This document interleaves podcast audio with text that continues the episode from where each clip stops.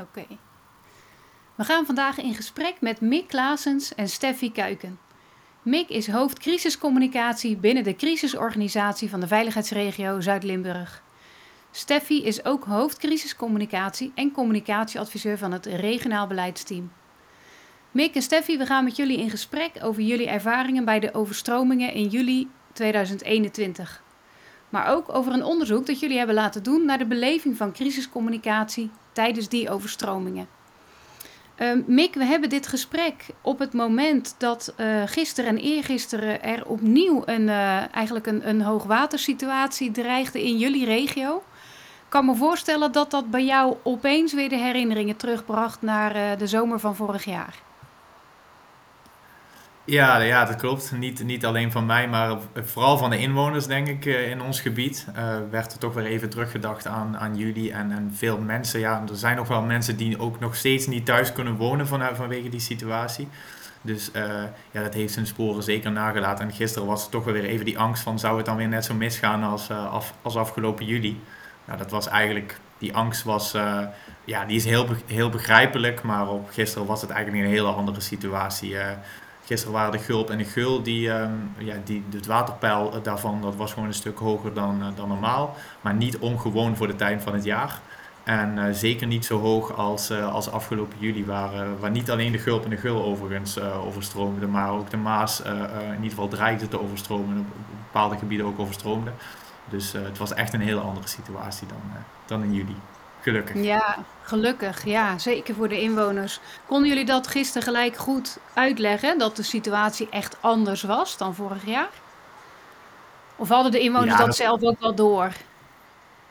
Nou, ik denk dat inwoners dat toch niet. Het is toch die angst en toch denken terug aan jullie en van, oh, zou het dan weer zo net zo, net zo zijn? We hebben dat wel geprobeerd uh, uit te leggen dat er inderdaad een andere situatie is.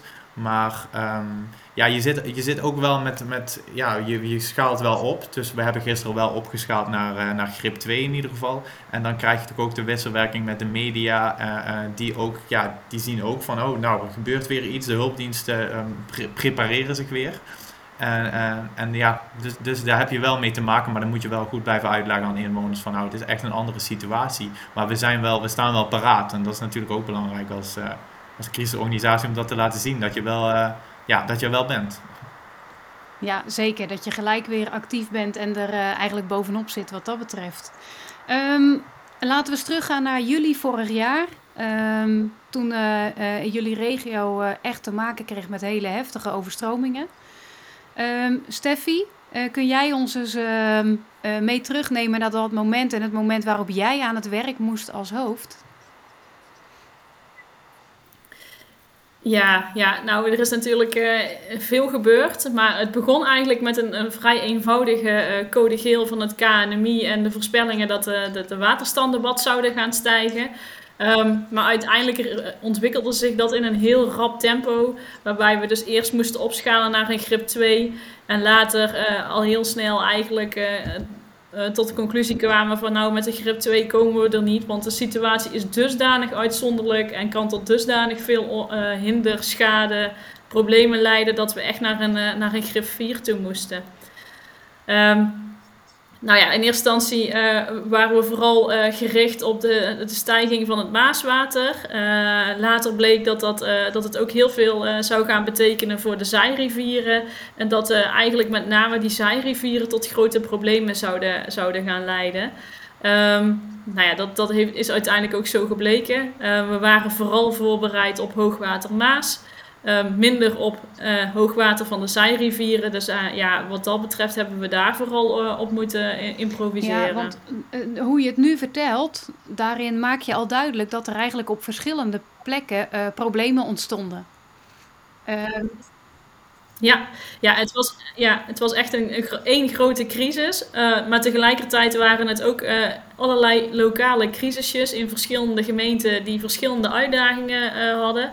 Um, nou ja, het was gewoon op meerdere plekken tegelijk raak. En dat vroeg gewoon enorm veel van onze crisisorganisatie, van onze brandweerorganisatie, maar ook van de, van de betreffende gemeente. Waar moet ik aan denken dan? Aan hoeveel uh, incidenten heb je dan eigenlijk? Uh...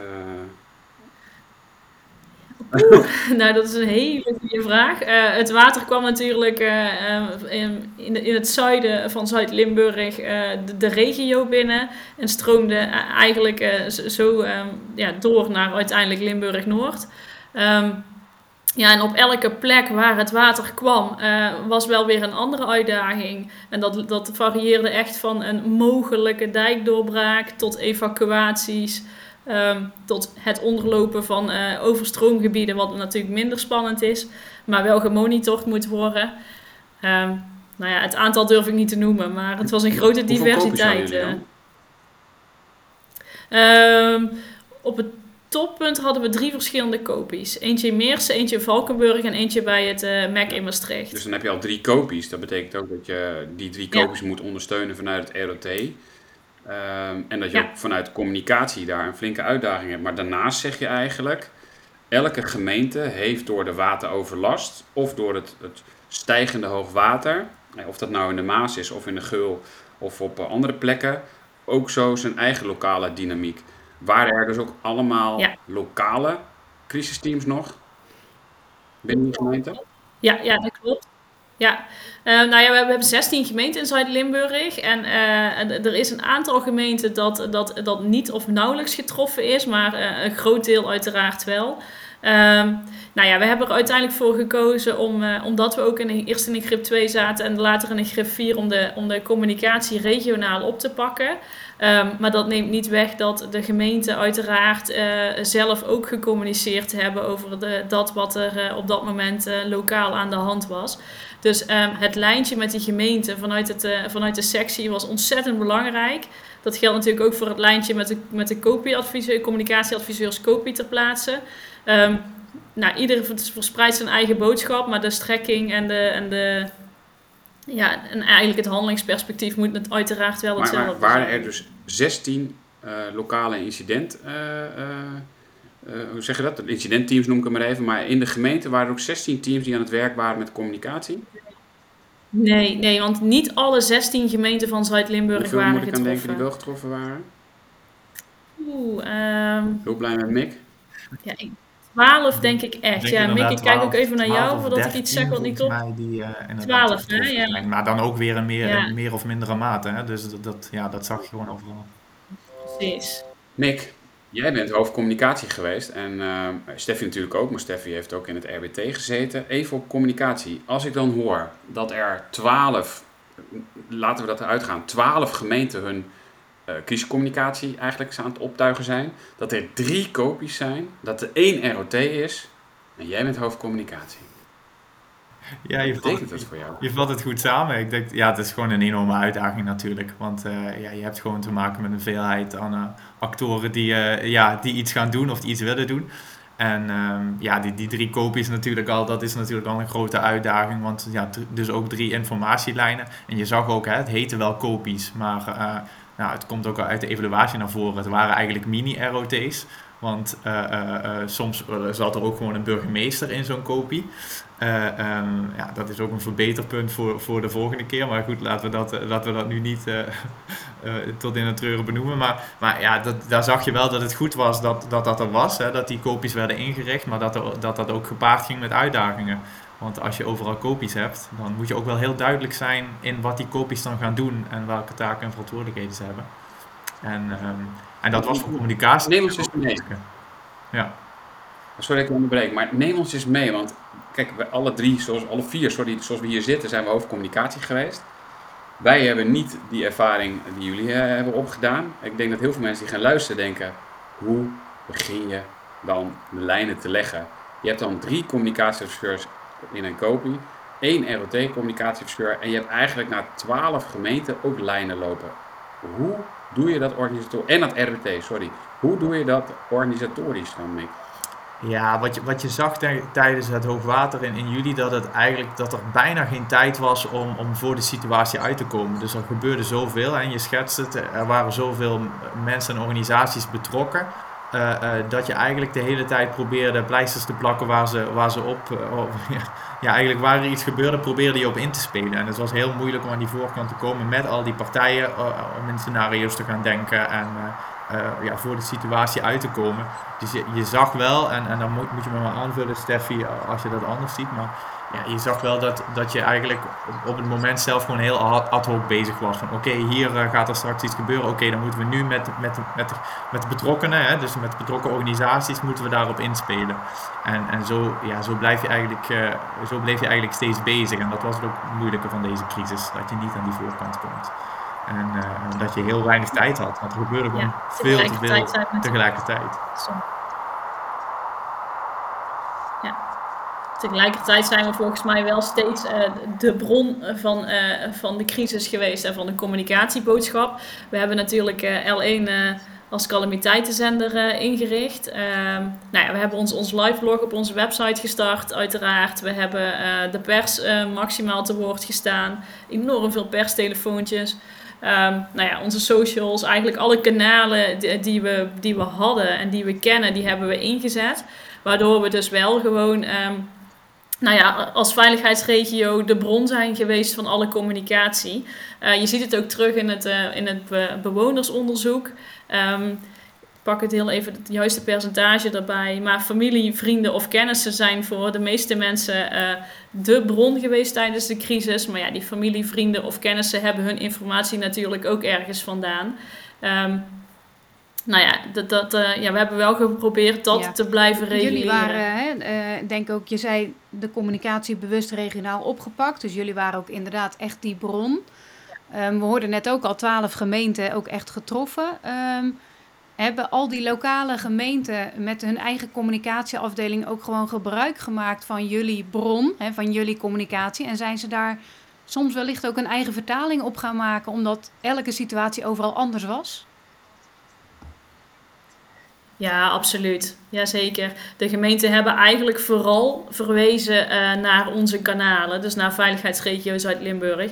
En daar aanvullend op ook nog wel hun eigen gemeentelijke boodschappen uh, verspreid. Um, nou ja, denk bijvoorbeeld aan opvanglocaties, uh, zandzakken en dergelijke. De echt hele lokale informatie, ja, die ja. hebben zij natuurlijk zelf gecommuniceerd. En Steffi, jij zat ehm, in het regionaal beleidsteam, hè, want dat was uiteindelijk in grip 4. Uh, ja, voor mensen ja, die klopt. niet zo bekend zijn met die termen, zal dit wellicht wat uh, uh, onduidelijk zijn. Um, dan was jij communicatieadviseur in dat regionale beleidsteam. Um, kun jij ons eens meenemen in, in jouw werk in dat team? Wat heb jij daar toen gedaan? Uh, nou ja, in het regionaal beleidsteam kwamen op, op een bepaald moment alle getroffen burgemeesters uh, samen. Uh, deels fysiek, deels digitaal. Want uiteindelijk uh, was het ook gewoon uh, bijna onmogelijk om richting Maastricht te komen vanwege het hoogwater en de, afgesloten snelweg en dergelijke. Um, nou ja, wat je dan vooral ziet is dat de burgemeesters uiteraard vertrouwen op de operatie, maar ook wel heel erg behoefte hebben aan elkaar even te spreken over wat er op dat moment aan de hand is. Zij zijn dan ook wel een hele belangrijke schakel in het uh, de buitenwereld naar binnen brengen. Hè? Want als crisisorganisatie zit je natuurlijk in, uh, in Maastricht en heb je nauwelijks in de gaten wat er buiten eigenlijk echt aan de hand is. Um, nou ja, burgemeesters kunnen dat gewoon heel goed inbrengen. Um, en waar we vooral over nagedacht hebben in het beleidsteam is hoe kunnen we nu deze situatie goed duiden en hoe kunnen we nu de inwoners echt geven wat er nodig is. Dus we zijn eigenlijk uh, een beetje weggebleven bij de operatie en vooral nagedacht over het stukje ja. uh, betekenisgeving. En, uh, we, we, weten vanuit de boekjes, zeg maar, hè, vanuit de theorie, dat we dan zeggen, ja, dan gaat het in een, in een beleidsteam of in een regionaal beleidsteam echt over het nemen van bestuurlijke besluiten. Zijn die er ook eh, heel specifiek genomen of viel dat mee en ging het inderdaad, zoals jij zegt, vooral over betekenisgeving? Ja, dat, dat ging echt vooral over betekenisgeving. Ja, ja. Het is natuurlijk, hè, natuurlijk zijn de noodverordeningen de revue gepasseerd. Maar uh, dat is meer van, nou, de operatie draagt aan dat ze daar een enorme behoefte aan hebben. En de burgemeesters tikken dat af. Um, het gaat er echt vooral over van ja, wat, wat overkomt ons nu eigenlijk en hoe kunnen we hier het beste als burgervader, ja. burgermoeder onze En lukte het voor jou om dan in zo'n uh, beleidsteam ook uh, de buitenwereld naar binnen te brengen? Dus had jij op tijd je omgevingsanalyses en uh, kon je de burgemeesters ook echt meenemen in hoe zij dat, ja, hoe, hoe dat, ja? Ja, zeker. Ja, we hadden natuurlijk de sectie communicatie in de lucht en we, hadden, en we konden gelukkig over hele goede omgevingsanalyses uh, beschikken. Dat kwam ook natuurlijk omdat de crisis uh, langdurig was. Dus op een gegeven moment heb je dat proces gewoon ingeregeld. Hè. Um, nou ja, die omgevingsanalyses worden zeker besproken in zo'n regionaal beleidsteam. Maar burgemeesters zijn zelf natuurlijk ook hun eigen gemeente ingegaan. Dus hebben zelf ook absoluut wel beeld bij wat er, uh, wat er in hun gemeente aan de hand is en waar de behoefte ligt. Dus dat, is, uh, dat, dat vult elkaar heel mooi aan. Nee, ik, en ik merk dat ik nog steeds in mijn hoofd zit, uh, want we zitten nu bij het RBT. Maar we hebben twaalf gemeentes. We hebben het over de omgevingsanalyse. Help mij nog even, Steffi dan hoe ziet de totale organisatie mhm. eruit en hoe heb je verbinding met elkaar? Want eigenlijk zeg je, net was het vooral, ja, waar, ja, het voelde bijna een beetje hapsnap, sorry voor dat ik die woorden gebruik. Maar, maar hoe heb je verbinding met die drie kopies, met het ROT, met het RBT, als hoofdcommunicatie? Omgevingsanalyse, heb je dan één omgevingsanalyse? Want je zegt eigenlijk, er zijn zoveel type incidenten. Wat zet je er dan in? Dus laat eerst bij je omgevingsanalyse blijven en dan stap naar voren. Want ik zoek enorm van, de enorme complexe uitdaging die je als communicatie hebt om, om, dit, om hier een structuur neer te zetten.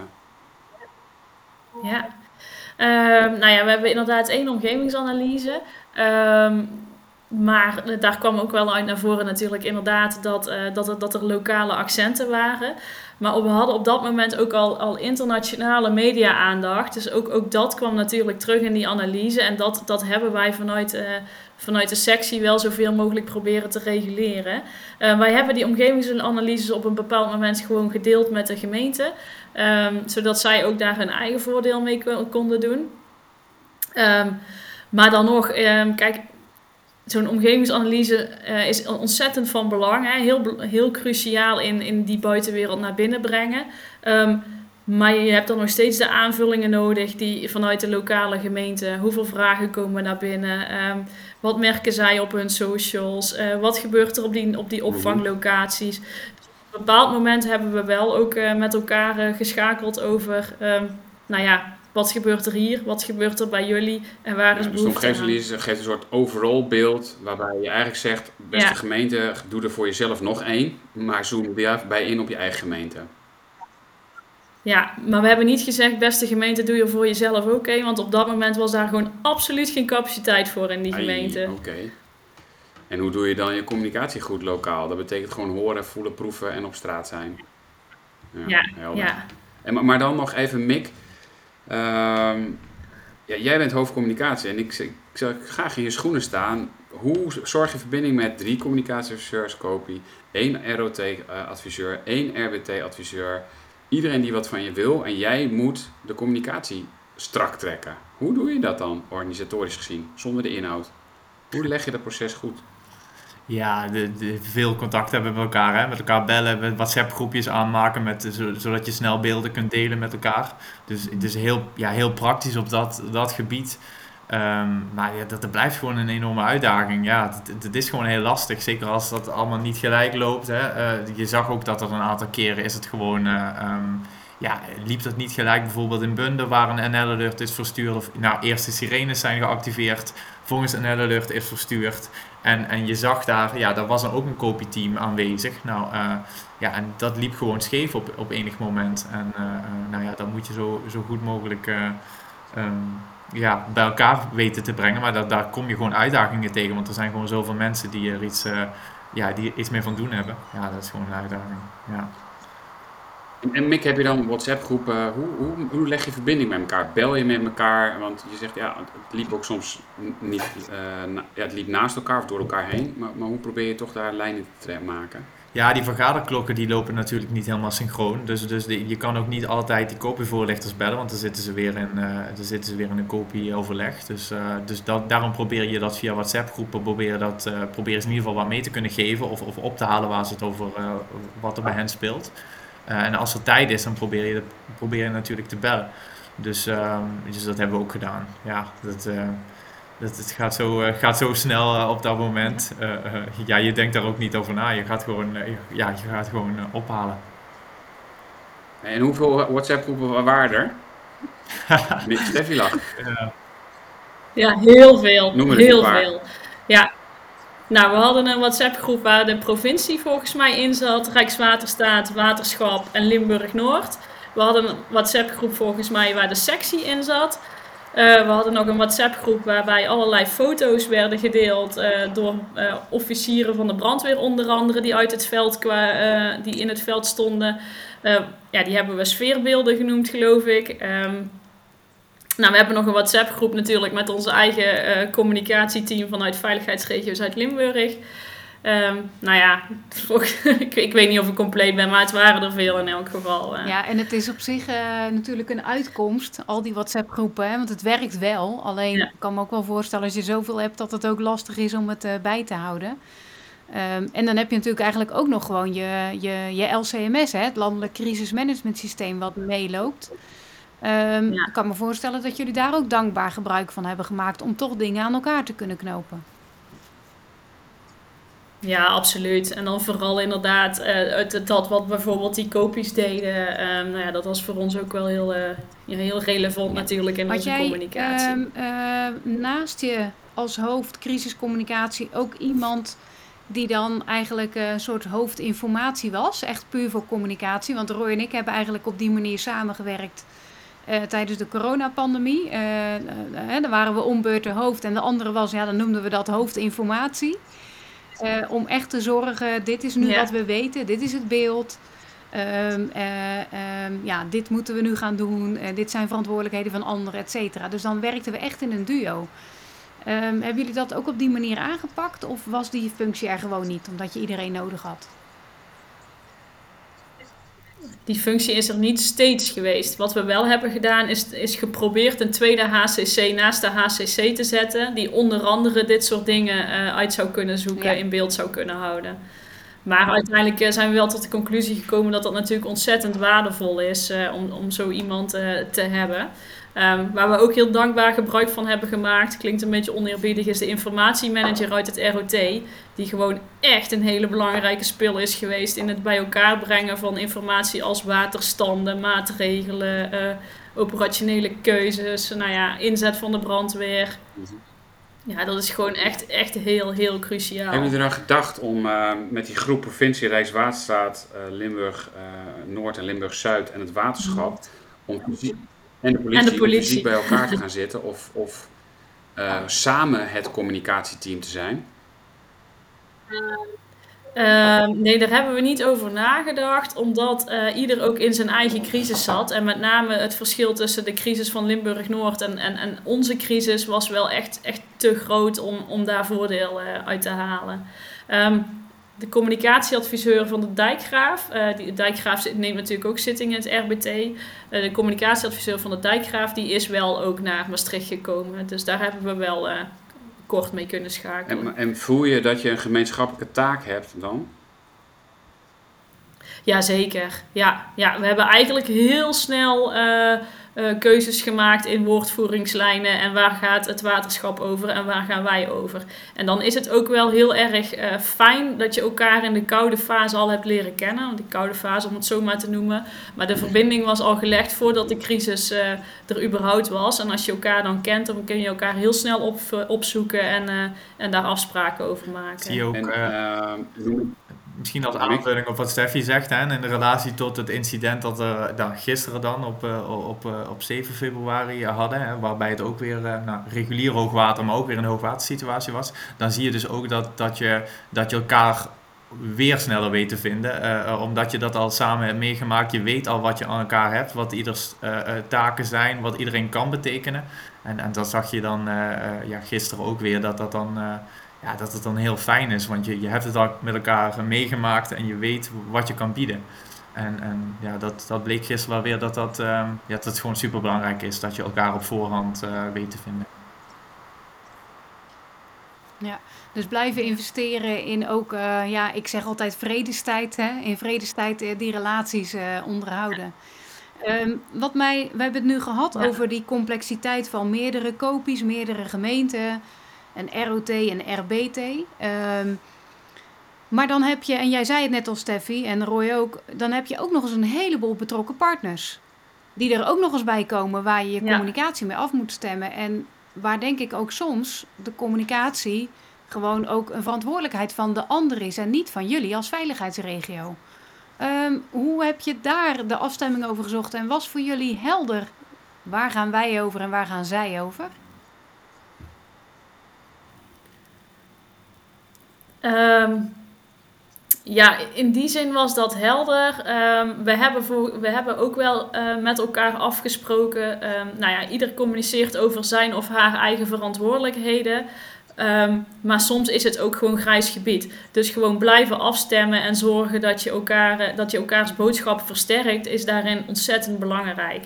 Um, kijk, op hoofdlijnen is het wel helder. Hè? Wij gaan over de crisisorganisatie, wij gaan over de hulpverlening, wij gaan over het bestrijden van de incidenten. Um, Rijkswaterstaat gaat over de Maas.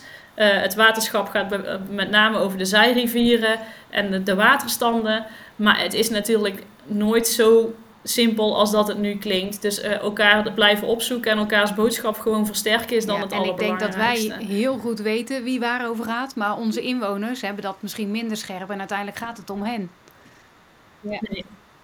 Precies, en daarom is het ook, ook, ook minder relevant om van ja, was dit nu jouw verantwoordelijkheid, was het dan nu mijn verantwoordelijkheid? Als het een afgestemde boodschap is, die gewoon de juiste informatie bevat, dan, uh, ja, dan, hebben, dan is het ook niet, niet zo relevant om daar... Uh, om dat tot drie cijfers achter de nee. komma uit te kristalliseren.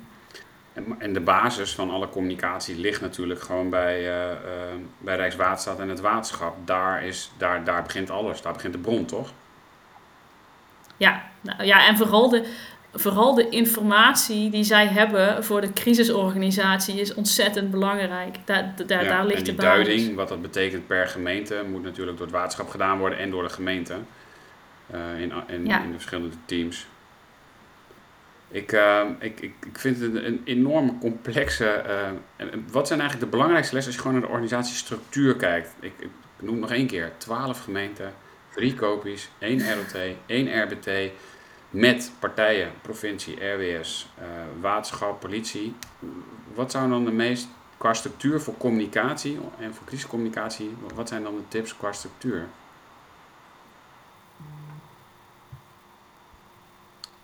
Angstig stil, Steffi?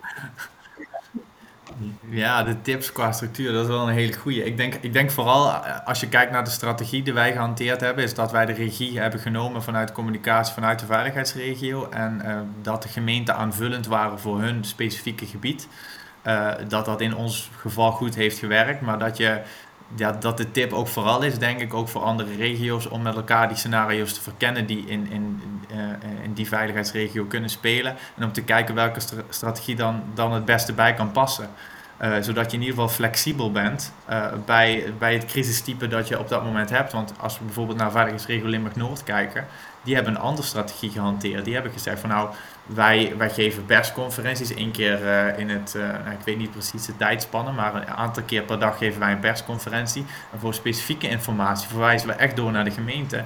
En, en, en daar gaan, staan wij niet voor aan de lat. En wij hebben eigenlijk toch iets meer nog de regie gepakt. En, en voor, uh, um, ja, voor een groot deel vanuit de veiligheidsregio gecommuniceerd. Dus je ziet daar een verschil. Nou, dat is ook, volgens mij was dat ook goed te verklaren, omdat we ook echt een andere type crisis hadden. En wij hadden heel veel uh, een aaneenschakeling van lokale crisis binnen de grote regionale crisis.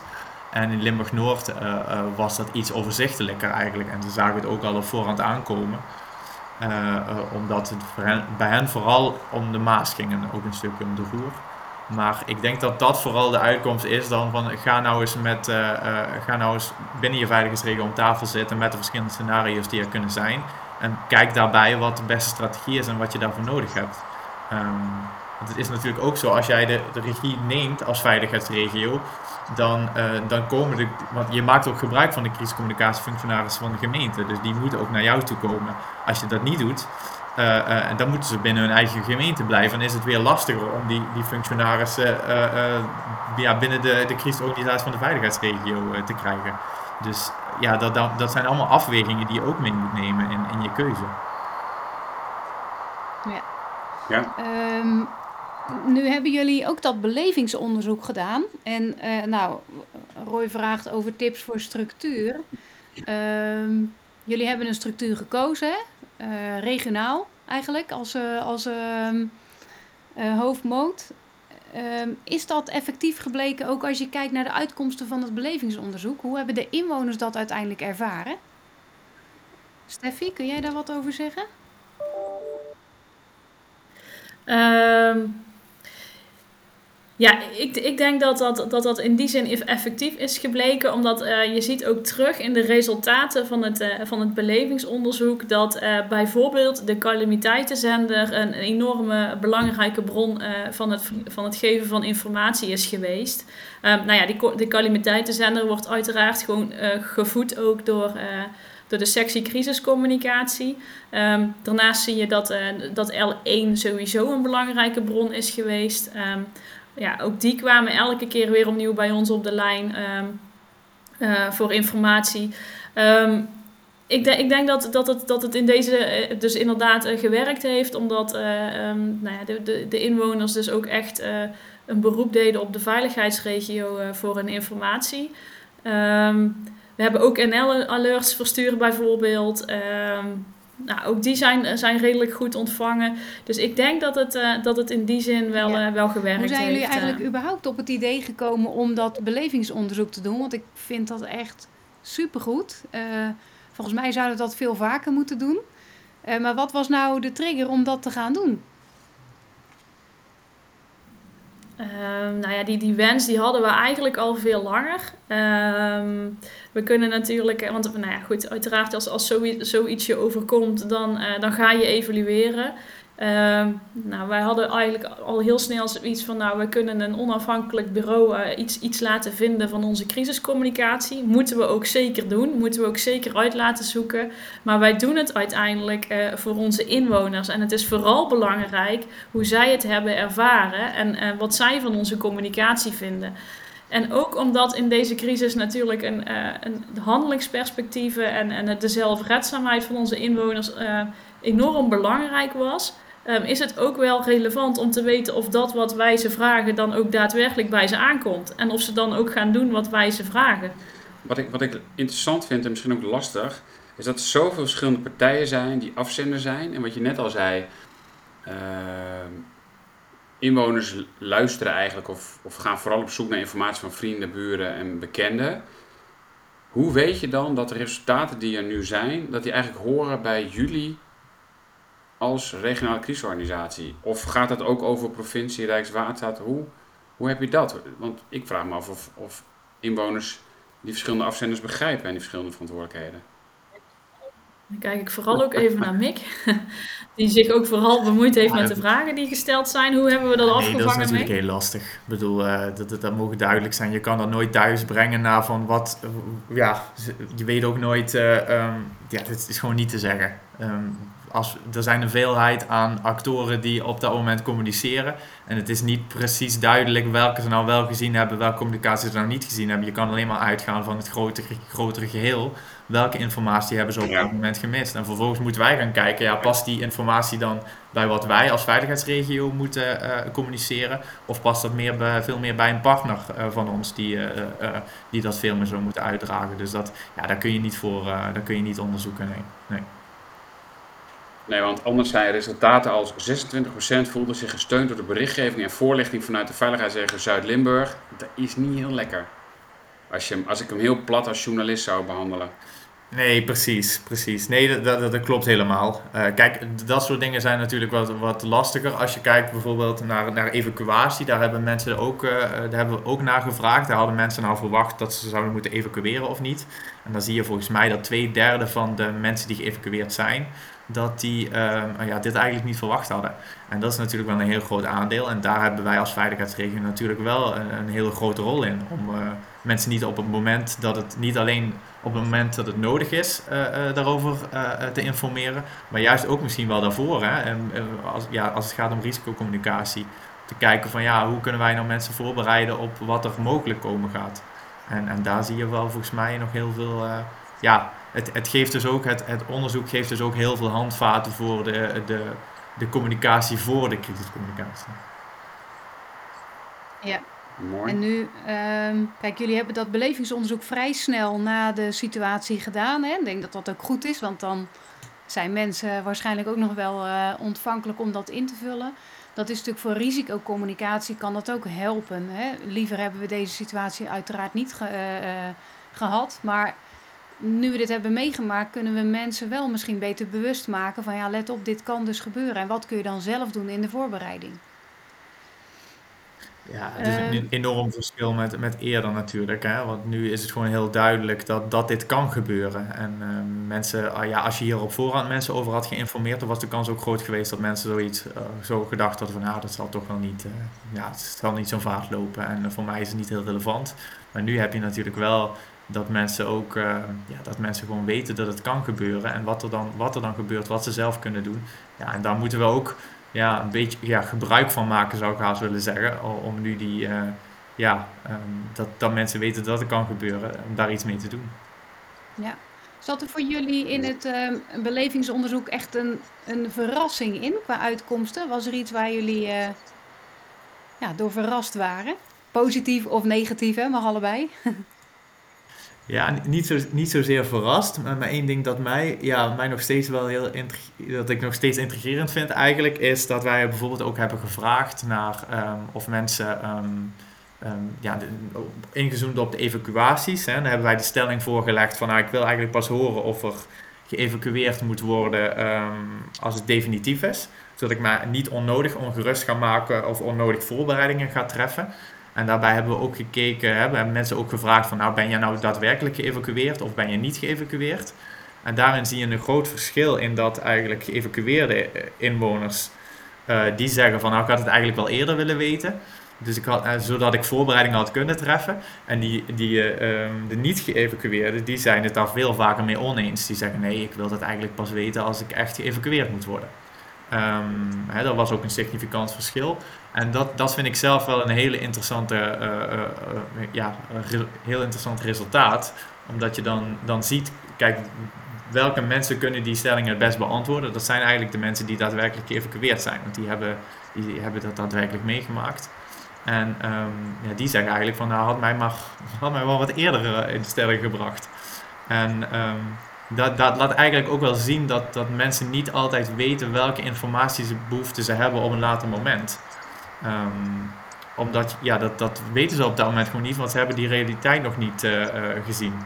Dus um, ja, dat vond ik een hele interessante, ook voor, de, voor onze crisiscommunicatie. Waar ga je dan van uit? Hè? Ga je dan mensen toch informeren, omdat je weet dat het op enig moment kan gebeuren? Maar op dat moment denken mensen dus van, oh nee, doe dat maar pas als, als het zover is. Uh, terwijl als het zover is, zeggen mensen van nou, dan had ik het toch wel iets eerder willen weten. Dus wel, ja, ik vind dat een hele interessant uh, dilemma dat je dan hebt eigenlijk. Ja, is ook super lastig. Dan, dan doe je het dus eigenlijk nooit goed als je, dat, als je zo de uitkomsten hoort. Um, wat, je, wat je zegt van mensen die geëvacueerd zijn.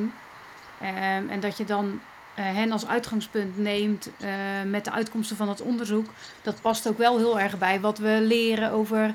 Neem mensen mee in het proces, geef procesinformatie, uh, leg de dilemma's uit. Nou, dat, dat past daar wel op zich bij wat we vanuit de theorie kennen. Ja, klopt. Klopt. Ja, terwijl het in, de dynamiek van deze crisis, procesinformatie en meenemen en uitleggen ook wel ontzettend lastig was, omdat de gebeurtenissen zich echt in rap tempo opvolgden. Um, nou ja. En, is er nagedacht om misschien al die gebeurtenissen, want ik heb eigenlijk nooit een overzichtskaartje gezien, of heb ik dat gemist, van waar allemaal kritieke punten waren en incidenten waren? Ja, we hebben wel um, ook, ook ten behoeve van onze evaluatie, over onze multi-evaluatie, een, een, een, tijdlijn uitgewerkt. Waar eigenlijk uh, met terugwerkende kracht alle gebeurtenissen, beslismomenten en, uh, um, ja, en maatregelen in zijn maar verwerkt. Maar niet op het moment zelf. Dat zou natuurlijk wel helpen om een overzicht te creëren waar speelt nou wat. En ook voor de burger misschien als, als een soort overview ja. van dit is allemaal aan de hand in onze regio. Ja, en sowieso het visueel maken van uh, gebeurtenissen, uh, van uh, gebieden en van handelingsperspectieven is iets waar we echt wel een, achteraf gezien een behoefte aan hebben. Um, omdat het bijvoorbeeld ook heel lastig is aan te geven van nou welk gebied loopt nu gevaar, wie moet er nu wel en niet geëvacueerd worden, voor wie gaat het nu wel en niet gelden. Want je kunt wel straatnamen gaan benoemen of wijken of gebieden.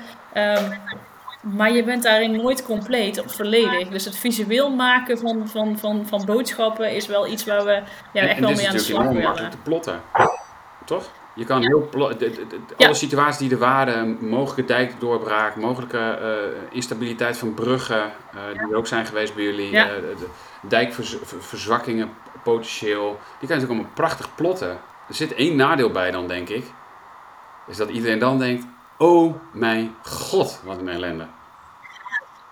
Ja, dat. En ook uh, natuurlijk kun je plotten, hebben we uiteraard ook gedaan in LCMS. Maar uh, nou, dat is gewoon heel technisch. Uh, dat, zijn dan geen, dat zijn dan niet de plots die je gebruikt voor je publiekscommunicatie. En met Jan en ik gebruiken tijdens de trainingen steeds meer ook plots. En zelfs de communicatieofficers die, die, die, die, dan eerder van onze training hebben gehad, die zeggen, nou wat vond je vandaag leuk? Ja, het was net zo leuk als altijd, maar één ding blijft me echt bij. Ik kreeg vorige week te horen, die plot, daar moeten we echt meer mee gaan werken. Daar moeten we meer mee gaan werken. Gewoon laat het maar zien waar wat die speelt. Die ervaring hebben wij ook. Ja. Nou ja, dat is dan een mooie, die ik ook voor mezelf nog weer meeneem uh, in dit alles. Ja. Heb, ik, ik weet dat er ook dingen mis zijn gegaan. Dat hebben we gelezen ook in de evaluatie. Waar kijk je op terug? Denk je, ja, dat, dat, dat is misgegaan, maar of het, ja, dat, dat kon niet anders. Ik weet ook niet hoe we dat goed hadden kunnen doen. Ja, dan kom ik toch weer terug op het voorbeeld dat Mick ook al aanhaalde. Uh, we hadden natuurlijk een kopie. We, er was sprake van een mogelijke dijkdoorbraak. En uh, de handelingsperspectieven die volgden elkaar in rap tempo op. Eerst gingen natuurlijk de sirenes die aangeven van ga naar binnen, sluit ramen en deuren. Vervolgens moesten mensen toch een hoger gelegen e-, etage opzoeken in hun woning. En vervolgens moesten mensen toch hun huis uit. Um, ja, dat, dat, dat was gewoon ja, dat was gewoon een heel vervelend moment. Uh, vooral natuurlijk voor de mensen die het aangingen. Uh, ja, in, in, in een paar minuten tijd, nou ja, een paar minuten is misschien wat overdreven, maar in een heel kort tijdbestek uh, drie verschillende handelingsperspectieven aangereikt krijgen. Ja, dat is natuurlijk heel vervelend. Maar daar kon je misschien vanuit de communicatie. Ja, sorry Mick, daar kon je misschien vanuit de communicatie ook, ook niet echt wat aan doen. Dat was misschien eerder de besluitvorming. En ja, jullie legden dat uit, maar jullie ja, konden daar niet veel aan doen, of niet? Ja. Het was op dat moment ook gewoon de beeldvorming, denk ik. Want het was, uh, uh, op, men, men, dacht van oké, eerst, nou, er is, er is niet meer genoeg tijd om, om weg te gaan. Dus oké, mensen moeten naar boven. Nou, even later bleek er, oh, is wel genoeg tijd om weg te gaan. Oh, dan kunnen mensen toch nog hun huis uit. En dan, dan loop je dan als communicatie inderdaad uh, wel achteraan. Want ja, dan moet je gewoon aansluiten bij wat er op dat moment is. Oh, er is toch tijd. Nou goed, dan moeten we nu een nieuwe communicatieboodschap uh, verzenden. Dus dat, ja, daar heb je op dat moment mee te maken. En dat is, dat is zeker niet, uh, ja, dat is gewoon heel vervelend voor inwoners op dat moment. Um, maar goed, het was wel de realiteit van dat moment. Dus ja, als communicatie moet je daar dan mee dealen. Ja, ja, dat krijg je ook bijna niet. Uh, volgens mij kun je dat bijna niet voorkomen als, het, als de situatie zo snel steeds verandert. Hè, dan zul je steeds maar mee moeten bewegen bij wat er gebeurt. En dan is dit heel vervelend, maar ik zou niet weten hoe je dat kan, uh, kan voorkomen dan. Ja. Um, Nee, behalve de impact van besluitvorming wel echt duidelijk maken in een, in een team ja. als het ROT. Ja, en dat is natuurlijk een belangrijke taak van een communicatieadviseur. Hè? Daarom, daarom zitten wij erbij. Om ook, uh, ja. we zeggen altijd heel mooi de communicatieve implicaties van besluiten. Ja, wat als we dit besluiten? Wat betekent mm -hmm. dat voor de mensen en hoe gaan we dat uitleggen? Is het uit te leggen? En uh, als de situatie verandert, wat dan? Ja, dat is een hele mooie, Steffi. Ja. ja. Oké, okay, hey, ik kijk op de klok. En um, we, hebben, oh, we hadden eigenlijk nog wel door kunnen gaan, denk ik, ook over dat belevingsonderzoek. Maar dat is uh, uh, gepubliceerd, hè? Dus dat is uh, te lezen. Ja. Um, ik denk dat we een inkijkje hebben gekregen in hoe jullie dit hebben beleefd en voor welke uitdaging jullie kwamen te staan met communicatie. Met name de afstemming, zowel in het eigen team, met alle kopies, met ROT, maar ook met alle partners, was denk ik de grootste uitdaging. Um, dank dat we dit inkijkje kregen in jullie uh, werk uh, vorig jaar zomer. Ja, heel ja. graag gedaan.